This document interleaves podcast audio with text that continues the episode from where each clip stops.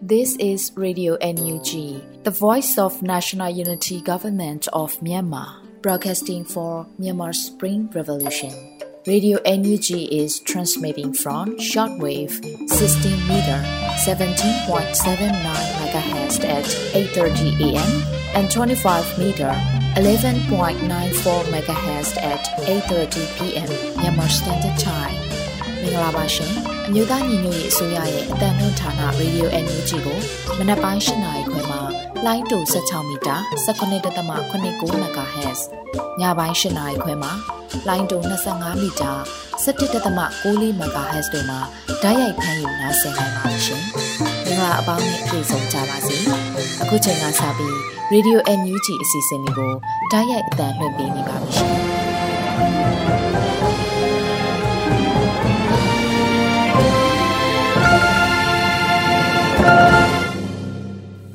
မြန်မာနိုင်ငံသူနိုင်ငံသားအပေါင်းတဘာဝဘေးဆရာနာရှင်ဘေးတို့ကနေကင်းဝေးပြီးကိုစိတ်နှပါဘေးကင်းလုံခြုံကြပါစေလို့ရေဒီယို NUG ဖွဲ့သားများကဆုတောင်းမြတ်တာပို့သလာရပါတယ်။အခုချိန်ကစပြီးရေဒီယို NUG ရဲ့မနက်ခင်းစီစဉ်များကိုထုတ်လွှင့်ပေးတော့မှာဖြစ်ပါတယ်။ပထမဆုံးအနေနဲ့ကာကွယ်ရေးဝန်ကြီးဌာနရဲ့စီရေးသတင်းချင်းချုပ်ကိုတော့ຫນွေဦးမိုးမှတင်ဆက်ပေးမှာဖြစ်ပါတယ်ရှင်။စကိုင်းတိုင်းတွင်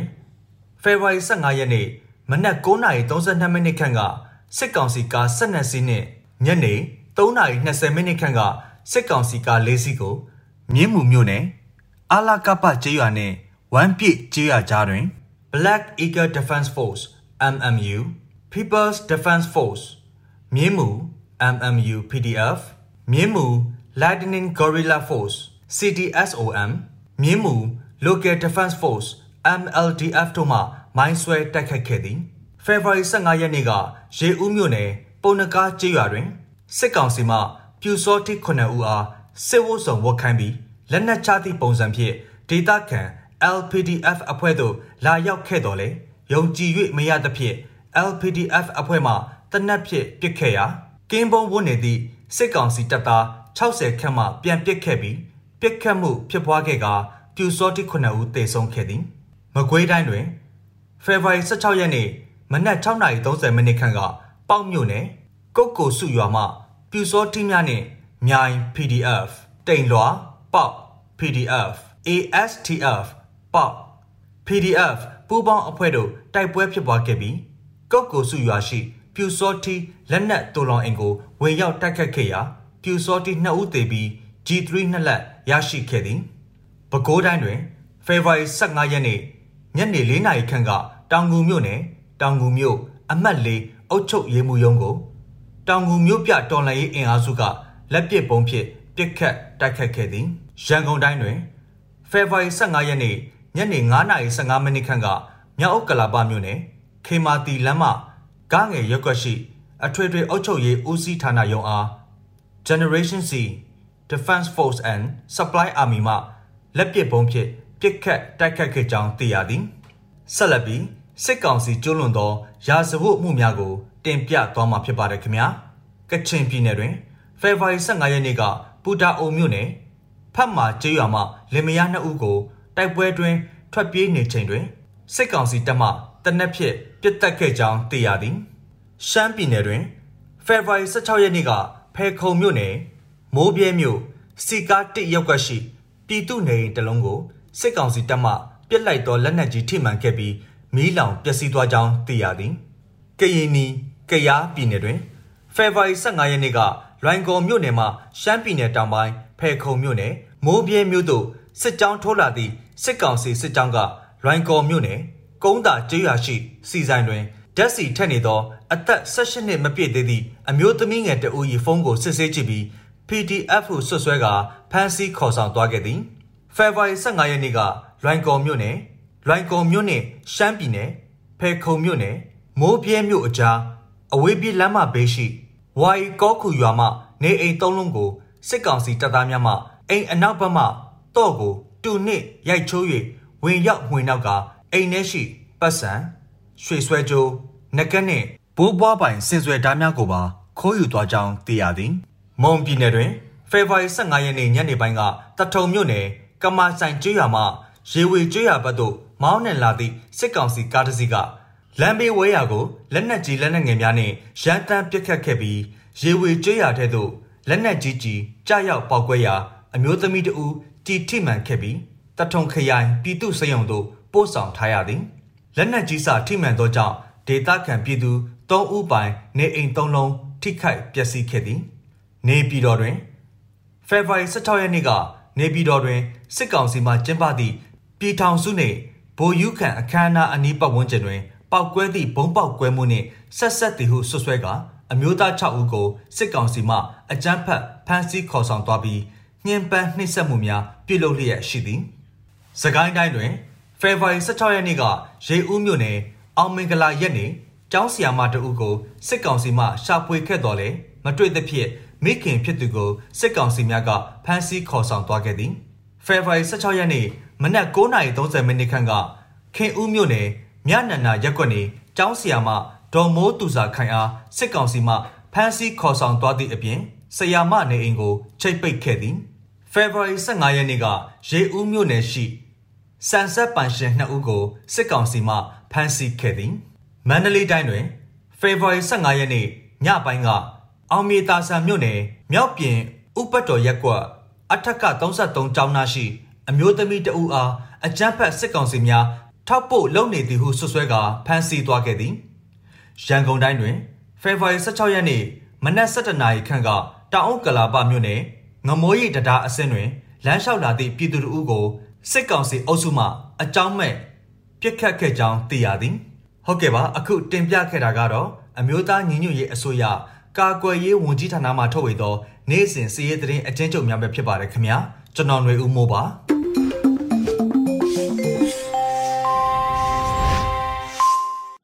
ရေဒီယိုအန်ယူဂျီမှဆက်လက်တင်ပြနေပါတယ်။အခုဆက်လက်ပြီးနောက်ဆုံးရသတင်းများကိုတော့နှွေဦးမောင်မှဖက်ကြားတင်ပြပေးပါမယ်ရှင်။မင်္ဂလာပါခင်ဗျာ။အခုချိန်ကစပြီး Radio NUG မနက်ခင်းသတင်းများကိုဖတ်ကြားတင်ပြပေးပါတော့မယ်။အခုတင်ပြပေးမယ့်သတင်းတွေကတော့ Radio NUG သတင်းတာဝန်ခံတွေနဲ့ခိုင်လုံသောမိဖက်သတင်းရင်းမြစ်တွေမှအခြေခံထားတာဖြစ်ပါတယ်။ကျွန်တော်ကတော့ຫນွေဦးမောင်ပါ။ မြဝတီတောင်ပိုင်းက လေးကေကောဒေသမှာတိုက်ပွဲတွေပြန်လည်ဖြစ်ပွားနေပြီးစစ်ကောင်စီကလေကြောင်းတိုက်ခတ်မှုတွေပြန်လုပ်လာနေပါတယ်။အတန်းကြာတိုက်ပွဲတွေငြိမ်နေရာကနေပြီးလွန်ခဲ့တဲ့နှစ်ကုန်ပိုင်းမှာတိုက်ပွဲပြင်းထန်ခဲ့တဲ့မြဝတီတောင်ပိုင်းဒေသဟာဖေဖော်ဝါရီလ16ရက်နေ့မနက်ပိုင်းမှာတော့တိုက်ပွဲတွေပြန်လည်ဖြစ်ပေါ်ခဲ့ပါတယ်။ကရင်ပြည်နယ် KNU တပ်မဟာ6နယ်မြေလေးကေကောမြို့တစ်တွင်နနက်၈နာရီမှစတင်ပြီးတိုက်ပွဲများပြန်လည်ဖြစ်ပွားခဲ့ရာ ညနေ3:20မိနစ်တွင်စစ်တပ်ကရဟရင်နှစီးဖြင့်လာရောက်ပစ်ခတ်ရသည့်အထိစစ်ကောင်စီတပ်ဟာအထိနာခဲ့ပါတယ်။ KNLA နဲ့ပူးပေါင်းတပ်ဖွဲ့တွေကုလိုဝိုင်းဝန်းပိတ်ဆို့တိုက်ခိုက်မှုကြောင့်စစ်ကောင်စီတပ်ဟာ၎င်းတို့နေထိုင်ရာအမြောက်ကုန်းဒေသအခေါ်ခွေးကုန်းမှလက်နက်များဆွန့်ပစ်ပြီးထွက်ပြေးခဲ့ရတာဖြစ်ပါတယ်။တာလွန်အင်အားထိုးစစ်များနဲ့စစ်ကောင်စီအားထားတဲ့လေကြောင်းတိုက်ခိုက်မှုတွေကြောင့် KNU KNLA နဲ့ပူးပေါင်းတပ်တွေဟာစခန်းအချို့ကိုလွန်ခဲ့တဲ့လအတွင်းကစုပ်ပေးခဲ့ရပါတယ် ယခုတပံတိုက်ပွဲအတွင်းမှာတော့ KNU KNLA နဲ့ပူးပေါင်းတပ်ဖွဲ့တို့စုခွာလိုက်ရတဲ့ဖလူးလေးရွာလက်နက်ကြီးပစ်စခန်းကုန်းအပါအဝင်ပတ်ဝန်းကျင်နယ်မြေကိုပြန်လည်သိမ်းယူနိုင်ခဲ့ကြောင်း KNLA PDF ပူးပေါင်းတပ်ဖွဲ့ကပြောပါတယ်။ဖေဖော်ဝါရီလ15ရက်နေ့မနက်ပိုင်းမှာစလို့ဝိုင်းဝန်းပိတ်ဆို့ကပြစ်ခတ်တိုက်ခိုက်မှုများလုပ်ခဲ့ပါတယ်။ဖေဖော်ဝါရီလ16ရက်နေ့12နာရီခန့်မှာတော့စစ်ကောင်စီနဲ့ BGF ကျူးကျော်ထားတဲ့စခန်းကုန်းကိုပြန်လည်သိမ်းယူနိုင်ခဲ့တာပါ။လက်နက်များလည်းသိမ်းဆည်းရမိပါတယ်။ ဒေတာတွင်လှုပ်ရှားနေတဲ့တပ်မှုတအုပ်က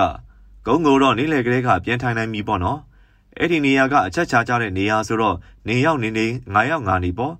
အခုတော့ KNLA နဲ့ပူးပေါင်းတပ်တွေပြန်ထိုင်ကြတယ်ပေါ့လို့အတီးပြုတ်ပြောဆိုပါတယ်တိုက်ခိုက်တိမ့်ပိုင်နိုင်ခဲ့ပြီးနောက်စစ်ကောင်စီဘက်မှအကြအဆုံးများချောင်းကို PDF တပ်ဖွဲ့ဝင်တအုပ်ကအခုလိုပြောပါတယ်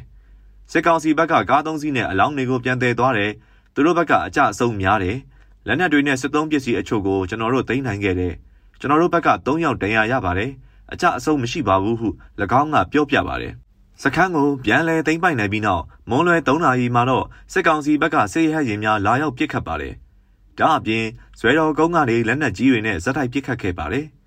အခုဆိုရင်စစ်ကောင်စီဘက်ကလက်နက်ကြီးများနဲ့လေကြောင်းတိုက်ခိုက်မှုများထပ်မံပြုလုပ်လာနိုင်တာကြောင့်တောင်ကြီးတဲ့ဒေသခံတွေဟာစစ်ပေးရှောင်မှုတကြော့ပြန်ပြင်ဆင်နေကြပြီလို့လည်းသိရပါတယ်။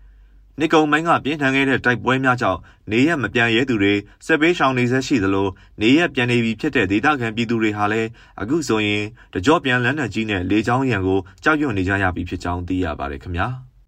ဆက်လက်ပြီးသုံးဆွဲသူတွေရဲ့အချက်လက်တွေကိုကာကွယ်ပေးရမယ်လို့အစုရှယ်ယာဝန်တွေကမြန်မာတယ်လီနောကိုတောင်းဆိုနေကြပါတယ်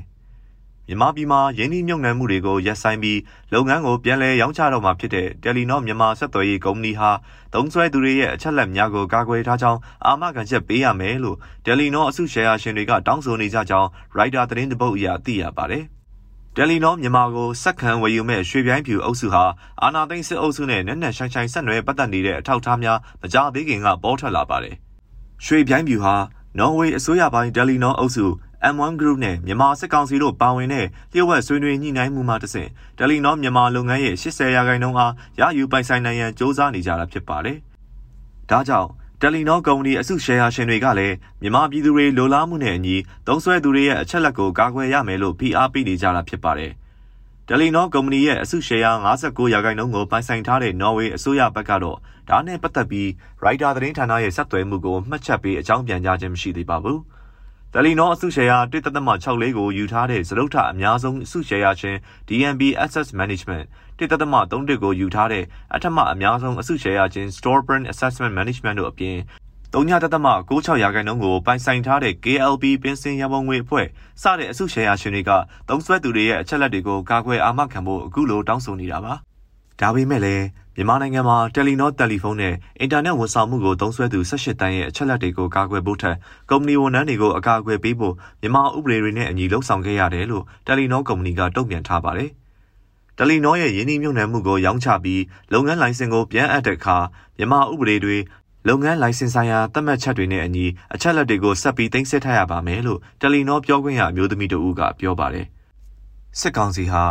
င်းတို့ကိုစန့်ကျင်သူတွေရဲ့တယ်လီဖုန်းခေါ်ဆိုချက်မှတ်တမ်းတွေနဲ့ထွက်ပြေးပုန်းရှောင်နေသူတွေရှိခဲ့တယ်လို့နောက်ဆုံးသိထားတဲ့နေရာကိုဖော်ပြနိုင်သောမှတ်တမ်းတွေကိုလွှဲပေးဖို့တောင်းခံခဲ့ကြောင်းအမည်မဖော်လိုတဲ့တယ်လီနောဝန်ထမ်းတို့ကပြီးခဲ့တဲ့သတင်းတစ်ပတ်မှာရိုက်တာသတင်းဌာနကနေတဆင့်ပြောခဲ့ပါတယ်။တယ်လီနောဘက်ကလိုက်နာပြီးလွှဲပြောင်းပေးခဲ့ရတယ်လို့လည်းအဆိုပါဝန်ထမ်းနှစ်ဦးရဲ့စကားကိုကိုးကားပြီးရိုက်တာကရေးသားခဲ့ပါတယ်။တယ်လီနောရဲ့မြန်မာနိုင်ငံကအစုရှယ်ယာတွေကိုလက်ဘနွန်အခြေစိုက် M1 ကုမ္ပဏီကိုရောင်းမယ်လို့တယ်လီနောဘက်ကကြေညာထားတာဖြစ်ပါတယ်။ ဒါပေမဲ့အစုရှယ်ယာအများစုကိုစစ်ကောင်စီနဲ့အဆက်ဆက်ရှိတဲ့ရွှေပြိုင်းဖြူကုမ္ပဏီကပိုင်ဆိုင်မှာဖြစ်တယ်လို့အထောက်အထားများပေါ်ပေါက်ခဲ့ပြီးနောက်ပိုင်းမှာတော့အခုလိုသုံးစွဲသူတွေရဲ့လုံခြုံရေးအချက်လက်များပေါ်စိုးရိမ်မှုတွေမြင့်တက်လာနေတာဖြစ်ပါတယ်ခင်ဗျာနောက်ဆုံးသတင်းအနေနဲ့ကချင်ပြည်နယ်ပူတာအိုမြို့နယ်ဖတ်မာကျေးရွာနေဒေသခံဇနီးမောင်နှံတို့ဦးကိုအကြမ်းဖက်စစ်ကောင်စီတပ်ကပြစ်ခတ်တပ်ဖြတ်ခဲ့တယ်လို့ဒေသခံတွေစီကတဆင့်သိရပါတယ်။ February 15ရက်ညပိုင်းကကချင်လွတ်လပ်ရေးတပ်မတော် KIA နဲ့စစ်ကောင်စီတပ်တို့တိုက်ပွဲဖြစ်ပွားပြီးဒေသခံများထွက်ပြေးတိမ်းရှောင်နေစဉ်မှာအသက်20ကျော်အရွယ်သူတို့နှစ်ဦးဟာစစ်ကောင်စီကရန်တမ်းပစ်ခတ်ခြင်းကိုခံခဲ့ကြရတာပါ။သူတို့မိဘရွာနဲ့သူတို့ရွာနဲ့ပြန်လာတဲ့လမ်းမှာတိုက်ပွဲဖြစ်တာနဲ့ကြုံတာတဲ့။ကြုံတဲ့အခါမှာကြောက်ကြောက်နဲ့ဆိုင်ကယ်နဲ့ထွက်ပြေးတာအဲ့ဒါစစ်တပ်တွေကသူတို့ကိုရက်ဖို့ပြောတာကြောက်တော့မရက်ရဲဘူးအဲ့မှာပြစ်ခံရတာအဲ့ဒီမှာအမျိုးသမီးကအရင်သေးသွားတယ်တဲ့ အမျိုးသားကလည်းအဲ့ဒီတနက်ဒဏ်ရာနဲ့ပဲဆုံးသွားတယ်ဟုနီးစပ်တဲ့ဒေသခံတယောက်ကပြောပါတယ်။တိတ်ဆုံးသူအပြစ်မဲ့ပြည်သူနှုတ်ဟာမင်္ဂလာဆောင်ပြီးစာလအနေငယ်သားရှိသေးတယ်လို့ဆိုပါတယ်။ February လ15ရက်နေ့က KIA PDF ပူးပေါင်းအဖွဲ့နဲ့အကြမ်းဖက်စစ်ကောင်စီတပ်တို့ဟာပူတာအိုမြို့နယ်ဖက်မာရွာတွင်နှစ်ဖက်တိုက်ပွဲဖြစ်ပွားခဲ့ပါတယ် စစ်ကောင်စီဘက်ကအထိနာလို့ပြည်သူများထွက်ပြေးတိမ်းရှောင်နေသောဖက်မာရွာနဲ့လုံရှာရန်ဘက်သို့လည်းလက်နက်ကြီးများဖြင့်တညာလုံးပစ်ခတ်ခဲ့ကြောင်း NLD ပါတီကရဝန်တိုင်းရင်းသားရေးရာဝန်ကြီးချန်ဂျော်ရမ်ကလူမှုကွန်ရက်တွင်ရေးသားဖော်ပြထားတာကိုတွေ့ရပါတယ်။ အခုလိုအထိနာလာတိုင်းရန်တမ်းပြီးလက်နက်ကြီးနဲ့ပစ်ခတ်လိရှိတဲ့စစ်ကောင်စီတပ်တွေဟာဖက်မာရွာအတွင်းရှိနေအိမ်တွင်ပုံအောင်နေတဲ့ပြည်သူတွေကိုဖမ်းဆီးပြီးလူသားတိုင်းပြုလုပ်နေကြောင်းအခုလိုစစ်ရာဇဝတ်မှုလုပ်ရက်ကိုလည်းကန့်ကွက်ကြောင်းတိုင်းရင်းသားရေးရာဝန်ကြီးချမ်းကျော်ရန်ကဖော်ပြပါတယ်။နေရာစုံမှာပြည်သူခုခံဒေါ်လာစစ်ကိုကြောက်လက်တကြားရင်ဆိုင်နေရတဲ့စစ်ကောင်စီတပ်တွေဟာအခုလိုပဲတိုက်ပွဲကြုံလာတိုင်းပြည်သူကိုရန်တမ်းပစ်ခတ်မှုကြောင့်နေစဉ်လိုလိုအရက်သားတွေတိတ်ဆုံးမှုကမြင့်တက်လာနေပါတယ်။ February 17ရက်ညပိုင်းကလည်းမြကြီးနားမြို့ပေါ်ရှိကားတစ်စီးအားလိုက်လံပစ်ခတ်ရာအမျိုးသမီးငယ်တအူသေဆုံးခဲ့ပါသေးတယ်။ဒီမြကြီးနားမှာဆိုရင်17ရက်နေ့ညမှာသူတို့အနောက်ကနေလိုက်ပစ်လို့အမျိုးသမီးတယောက်ဆုံးသွားခဲ့တယ်။အဲ့ဒီလိုလုံနေတဲ့ဟာတွေကကျမတို့ကချင်ပြည်နယ်မှာနေရာစိတ်စိတ်ဖြစ်လာပြီးဒီဟာကလူမဆန်တဲ့လောက်ရက်တွေသူတို့တအားလုံနေတာအဲ့ဒါကိုစိတ်မကောင်းလဲဖြစ်မိတယ်။ဒီလိုမျိုးအာနာရှင်လက်အောက်ကနေကျမတို့အမြန်ဆုံးလွတ်မြောက်ချင်ပြီ။ အပြစ်မရှိတဲ့မိသားစုတွေကအခုလိုကြုံနေရတာအမြန်ဆုံးလွတ်မြောက်ချင်ပြီဟုဒေသခံမျိုးသမီးတို့ကပြောပါတယ်။ဖေဖော်ဝါရီလအစပိုင်းမှာ KIA နဲ့ PDF တပ်ဖွဲ့များဟာပူတာအိုမြို့နယ်စံပီယန်ကျေးရွာရှိစစ်ကောင်စီတပ်စခန်းအားသိမ်းယူနိုင်ခဲ့ပါတယ်။ထို့နောက်ပိုင်းမှာထိုဒေသတဝိုက်ရွာတွေကိုစစ်ကောင်စီကလေကြောင်းတိုက်ခိုက်မှုတွေလည်းပြုလုပ်ခဲ့ပါတယ်။ အပြစ်မဲ့ဇနီးမောင်နှံပြစ်တက်ခံလိုက်ရတဲ့အခင်းဖြစ်ပွားရာပူတာအိုမြို့နယ်ဖတ်မာကျေးရွာကိုလည်းစစ်ကောင်စီဘက်ကစစ်အင်အားတိုးချဲ့ထားပြီးရွာသားများကိုလူသားတိုင်းပြုလုပ်ခြင်းရန်တမ်းပစ်ခတ်ခြင်းများဖြစ်ပေါ်နေကြောင်းသိရှိရပါတယ်ခင်ဗျာ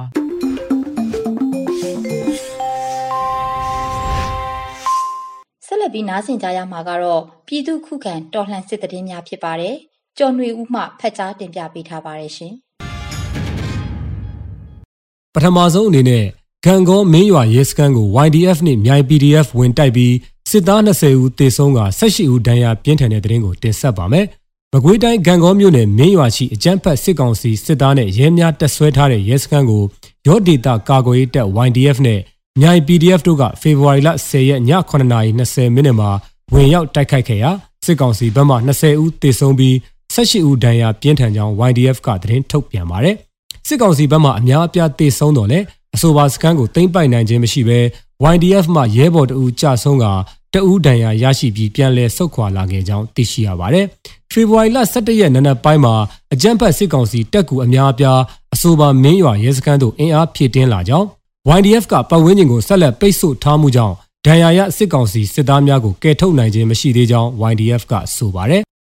ဆက်လက်ပြီးကရင်ပြည်နယ်အတွင်းမှာတပတ်အတွင်းတိုက်ပွဲများတွင်စစ်ကောင်စီမှအရာရှိအပါအဝင်ရှစ်ဦးထက်မနည်းတေဆုံးခဲ့တဲ့တဲ့ရင်ကိုတင်ဆက်ပါမယ်။ကရင်ပြည်နယ်မှာဖေဖော်ဝါရီလဒုတိယပတ်အတွင်းစစ်ကောင်စီတပ်နဲ့ကရင်ပူးပေါင်းတပ်ဖွဲ့ကြားတိုက်ပွဲများဖြစ်ပွားခဲ့ပြီးစစ်ကောင်စီဘက်မှဗိုလ်အဆင့်အရာရှိတဦးအပါအဝင်ရှစ်ဦးထက်မနည်းတေဆုံးကြောင်းကရင်အမျိုးသားကာကွယ်ရေးတပ်ဖွဲ့ KNDF ကသတင်းထုတ်ပြန်ပါတယ်။ဖေဖော်ဝါရီလ10ရက်နေ့နနက်9:15မိနစ်မှာဒိုက်ကော်မြို့နယ်ဖာတီမာကျေးရွာအနီး၌ စစ်ကောင်စီတပ်နဲ့ကရင်နီတပ်မတော် KA KNDF တို့ကြားဖြစ်ပွားသောတိုက်ပွဲဟာ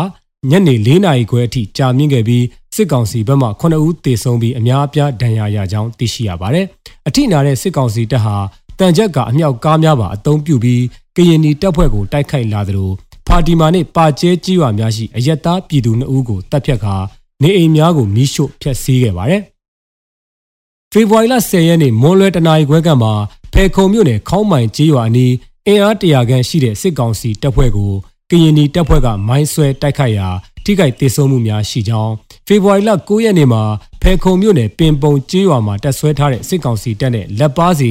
PNO ပြည်သူစစ်တပ်ဖွဲ့ကိုကရင်နီပူးပေါင်းတပ်ဖွဲ့ကတိုက်ခိုက်ပြီးစစ်ကောင်စီမှဗိုလ်အဆင့်အရာရှိတအူတေဆုံးကြောင်း KNDF ကဆိုပါတယ်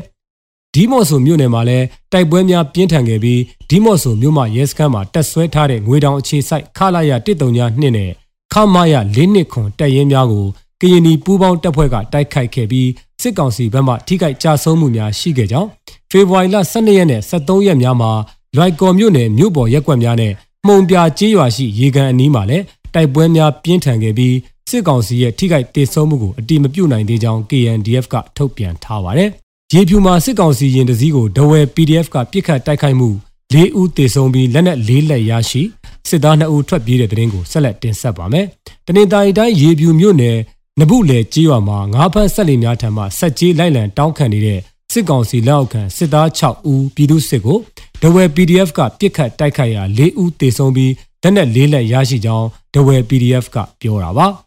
ဖေဖော်ဝါရီလ9ရက်နေ့မှာဒဝဲ PDF က စစ်ကောင်စီလက်အောက်ခံစစ်သား6ဦးလိုက်ပါလာတဲ့ကားကိုပြစ်ခတ်တိုက်ခိုက်ခဲ့ခြင်းဖြစ်ကြောင်းဒဝဲ PDF တပ်ဖွဲ့ဝင်ကပြောဆိုပါရယ်ဆက်လက်ပြီးစကိုင်းရင်မြက်ကြီးအင်းမ A5 စစ်တိုက်လေရင်ပြက်ကြပြီးလေရင်မှုတေဆုံးတဲ့တဲ့တင်ဆက်ပါမယ်စကိုင်းရင်မြက်ကြီးအင်းမပြက်ကျသွားတဲ့နန်ချန် A5C Phantom စစ်တိုက်လေရင်မှုတေဆုံးသွားပြီးလေရင်အပိုင်းအစာများဆယ်ယူနေကြောင်းတပ်ဆိုင်ရာကယ်ဆယ်ရေးဆောင်ရွက်သူများထံမှသိရှိရပါတယ်စကိုင်းတိုင်းစကိုင်းမြို့နယ်ရင်မြက်ကြီးအင်းမှာ တိုက်လေရင်ဒဇင်ယနေ့နနက်7:00နာရီဝန်းကျင်အချိန်ပြတ်ကျသွားကြောင်းဒေသခံများထံမှသိရပါတယ်။စစ်ဘက်သတင်းရင်းမြစ်တချို့ကလည်းတိုက်လေရင်ဒဇင်ပြတ်ကျမှုသတင်းများရရှိထားပြီးဆက်ချုပ်ရင်းမှုကြောင့်သို့မဟုတ်ပြစ်ချခံရမှုဆိုတာကိုမသေးကွဲသေးကြောင်းပြတ်ကျသွားတဲ့စစ်တိုက်လေရင်မှာ A5 ဖြစ်ပြီးတရုတ်နိုင်ငံထုတ်ဖြစ်ကြောင်းသိရပါတယ်။စစ်ကောင်စီဘက်ကမူယနေ့နနက်10:43မိနစ်တွင်စစ်တပ်၏တိုက်လေရင်ဒဇင်ပြတ်ကျသွားကြောင်းလေရင်မောင်းကိုကယ်ဆယ်ရေးလှုပ်ဆောင်နေကြောင်းအတည်ပြုထုတ်ပြန်ပါတယ်။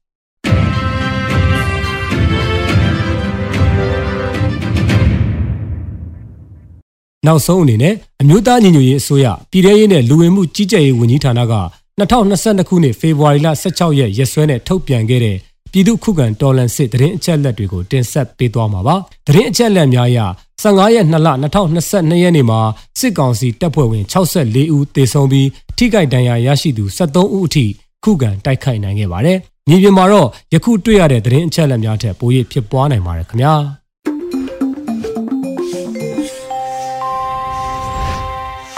အခုမနက်ခင်းရဲ့နောက်ဆုံးစီစဉ်နေနဲ့နေ့စဉ်သတင်းများကိုတော့မျိုးတော်တာမှဖတ်ကြားတင်ပြပေးမှာဖြစ်ပါတယ်ရှင်။အခုပထမဆုံးတင်ဆက်ပေးမှာကတော့အမျိုးသားညီညွတ်ရေးအစိုးရကဂမ်ဘီယာမြန်မာအမှုအတွက်ဥပဒေပညာရှင်အဖွဲ့ကိုထုတ်ပြန်ကြေညာလိုက်တဲ့သတင်းကိုတင်ဆက်ပေးပါမယ်။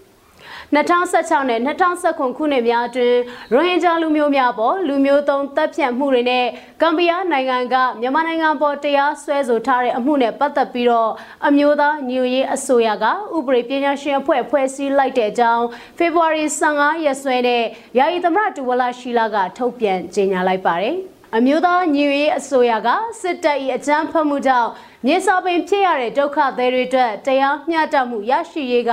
မိမိရဲ့တာဝန်ဝတ္တရားအဖြစ်အလေးနဲ့ခံယူရဲဆိုတာနဲ့အဲဒါကြောင့်ပဲ2016ခုနှစ်နဲ့2019ခုနှစ်များအတွင်းကရိုဟင်ဂျာတွေပေါ်ထိုးနှက်ခဲ့တဲ့စစ်တပ်ရဲ့စစ်စင်ရေးတွေနဲ့ဆက်လင်းပြီးအပြည့်ပြဆိုင်ရာတရားရုံး ICJ ရှေ့မှောက်မှာရင်ဆိုင်နေရတဲ့အမှုက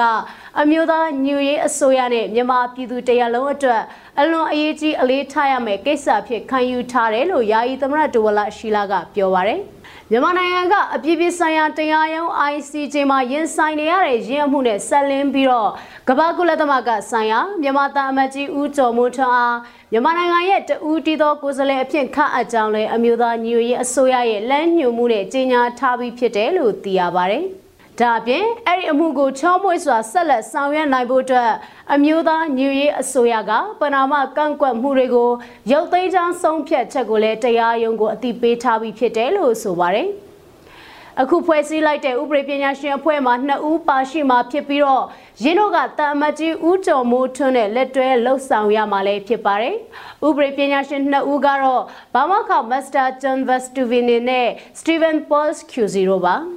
်င်ပရိုဖက်ဆာချန်မက်စတူဗင်င်ကဟိတ်မြို့ရှိပြ ည်ပြည်ဆိုင်ရာဥပဒေတက္ကသိုလ် The Hague Academy of International Law အထွေထွေအတွင်းရေးမှူးချုပ် Institute the Droit International အဖွဲ့ဝင် Paris Notre တက္ကသိုလ်ပါမောက္ခပြင်သစ်လူအဖွဲ့အစည်းနိုင်ငံတကာရေးရာဥပဒေဘုတ်အဖွဲ့ဝင် Board Member of the French Society for International Law Ednor Francis de Droit International စာဆောင်၏အဒီတာဘုတ်အဖွဲ့ဝင် Paris Signa Partners ဥပဒေဖွဲ့ဘန်ရှင်ဖွဲ့ဝင်တို့ဖြစ်ပြီး1992ခုနှစ်မှစတင်ပြီး ICJ အပြည့်ပြည့်ဆိုင်ရာတရားရုံးအမြဲတမ်းအနုညာတခုံသမာဓိယုံပင်လယ်ပြင်ဆိုင်ရာနိုင်ငံတကာခုံရုံးဥပဒေဆိုင်ရာတရားရုံး European Court of Justice တွေမှာဥပဒေအကြံပေးနဲ့ရှေ့နေဖြစ်ရောအတိုင်ပင်ခံရှေ့နေဖြစ်ပါဆောင်ရွက်နေသူလို့ဖော်ပြထားပါတယ်။ Stephen Paul Cusi ကနိုင်ငံတကာတရားရုံးတွေမှာလူအခွင့်အရေးမဟုတ်မမှန်အကျဉ်းချခံရတာနဲ့စိတ်ရဇဝတ်မှုတွေမှာအထူးကျွမ်းကျင်တဲ့ရှင်းနေတူဖြစ်ပြီးဥရောပလူအခွင့်အရေးတရားရုံးနဲ့အခြားသောနိုင်ငံတကာခုံရုံးတွေမှာထင်ရှားခဲ့ပြီးနိုင်ငံတကာဥပဒေဆိုင်ရာထိပ်တန်းလက်တွေကျန်းတဆန်ကိုရေးသားခဲ့သူဖြစ်တယ်လို့ဖော်ပြထားပါတယ်။ အမျိုးသားညွေရေးအစိုးရအနေနဲ့ကတော့ ICJ အမှုကိုဥပဒေရေးရအဖွဲ့နဲ့အတူနီးကပ်စွာပူးပေါင်းဆောင်ရွက်သွားမယ်လို့ဆိုထားပါတယ်။ဒီချိန်ထဲမှာပဲအမျိုးသားညွေရေးအစိုးရကစစ်တပ်ရဲ့လူအခွင့်အရေးချိုးဖောက်နေတဲ့အထောက်အထားတွေကိုဆက်လက်ရှာဖွေစုဆောင်းပြီးတင်ပြမှာဖြစ်သလို International Criminal Court ICC ရဲ့စီရင်ပိုင်ခွင့်အာဏာကို2002ခုနှစ်နောက်ပိုင်းကျူးလွန်သော Rome Statute မှာအကျုံးဝင်တဲ့ရာဇဝတ်မှုအလုံးအတွက်အနှင်းပေးထားပြီးမြန်မာနိုင်ငံနဲ့ပြည်သူတွေရဲ့ကောင်းကျိုးကိုရည်မျှော်ပြီးလူအခွင့်အရေးနဲ့တရားမျှတမှုကိုအလေးထားသူအလုံးရဲ့ပံ့ပိုးကူညီမှုအလုံးကိုရယူကလက်တွဲကြိုးပမ်းဆောင်ရွက်နေတယ်ဆိုပြီးတော့လဲယာယီသမရကသတင်းထုတ်ပြန်ချက်မှာဖော်ပြထားတာတွေ့ရပါတယ်။အခုတင်ဆက်ပေးမှာကတော့အမျိုးသားညွေရေးအစိုးရကငွေတိုက်စာချုပ်ပေါင်း9000နီးပါးရောင်းချထားတယ်ဆိုတဲ့သတင်းမှာ အမျိုးသားညွရေးအစိုးရကထုတ်ရောင်းနေတဲ့ငွေတိုက်စားချုပ်တွေကိုဖေဖော်ဝါရီ12ရက်နေ့ထိစားချုပ်ပေါင်း9000နီးပါးရောင်းချထားပြီးဖြစ်တယ်လို့စီမံကိန်းဗဏ္ဍာရေးနဲ့ယင်းနှမြုံနှမှုဝန်ကြီးဌာနက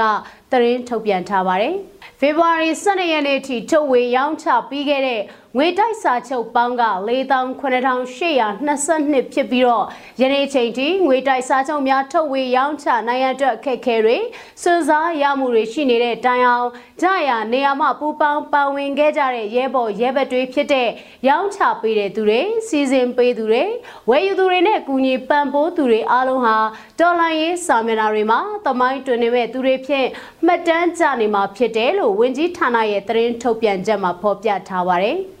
ပြည်တွင်းရောနိုင်ငံတကာမှာပါတော်လန်ရေးအတွက်လိုအပ်တဲ့ဗဏ္ဍာငွေဖြည့်ဆည်းနိုင်ရန်နီလန်အမျိုးမျိုးနဲ့စ조사ရှာဖွေခဲ့ကြရမှာငွေတိုက်စားချုပ်ထုတ်ဝေရောင်းချတာက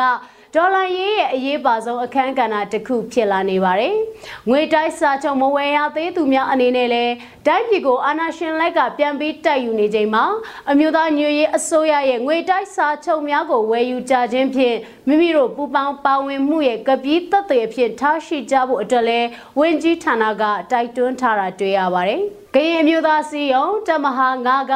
တတိပေးထားပြီးတဲ့နောက်ဖာပုံမျိုးမှာအကြမ်းဖက်စစ်ကောင်စီလက်ပါစိဝန်ထမ်းတွေမြို့ကိုစွန့်ခွာမှုစလုပ်လာတဲ့ဆိုတဲ့သတင်းမှာ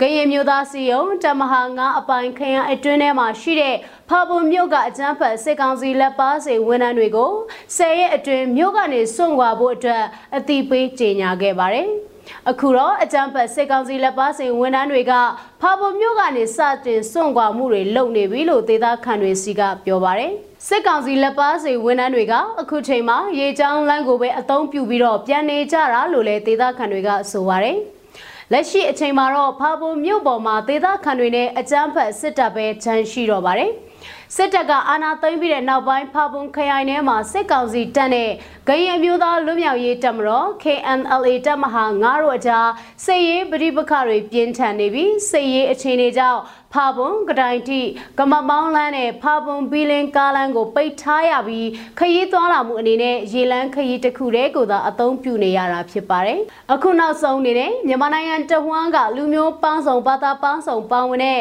ဆက်အနာရှင်အမြင့်ပြတ်ချင်းမုံရီလူထုဆန္ဒပြပွဲသတင်းတွေကိုစူးစီးတင်ဆက်ပေးမှာဖြစ်ပါတယ်။ ရမပေအရှိချမ်းနဲ့စလင်းကြီးမြောက်ချမ်းရွာပေါင်းစုံတပိတ်စစ်ကြောင်းကဥဆောင်ပြီးတော့ဒီနေ့မနေ့မှာအကြမ်းဖက်ဖက်စစ်စစ်တပ်ကြာရှုံးရေးဟစ်ကြွေးဆန္ဒပြခဲ့ကြပါတယ်343ရက်မြောက်ဖြစ်တဲ့ဆန္ဒပြခဲ့ကြတာဖြစ်ပြီးတော့ဒီနေ့ဆန္ဒပြတပိတ်ကိုအမျိုးသမီးတွေကဥဆောင်ခဲ့ပြီးနိုင်ငံတော်တစ်ကိုရဲရဲတိစောက်ကြဆိုတဲ့စာသားတွေကင်ဆောင်ပြီးဆန္ဒပြခဲ့ကြတာပါ ကလေးမျိုးရဲ့384ရက်မြောက်တပိတ်စစ်ကြောင်းကိုဒီနေ့မှာပြုလုပ်ခဲ့ကြပါတယ်။ဆန္ဒပြပြည်သူတွေကတိုက်ပွဲဝင်ခွတ်တောင်းအလံကိုအမြင့်ဆုံးလွှင့်ထူကြလူမျိုးကြီးဝါဒဟုသမျှတိုက်ထုတ်ကြဖက်ဒရယ်ပြည်တော်စုသစ်တိဆောက်ကြဆိုတဲ့စာသားတွေကန်ဆောင်ပြီးဆန္ဒပြတပိတ်မှောက်ခဲ့ကြတာပါဒါကတော့ဖေဖော်ဝါရီလ16ရက်နေ့ဆီယနာရှင်အမြင့်ပြတ်ချင်းမုံရီလူထုဆန္ဒပြပွဲသတင်းတွေကိုစူးစီးတင်ဆက်ပေးခဲ့တာပဲဖြစ်ပါတယ်ကျေးဇူးတင်ပါတယ်ရှင်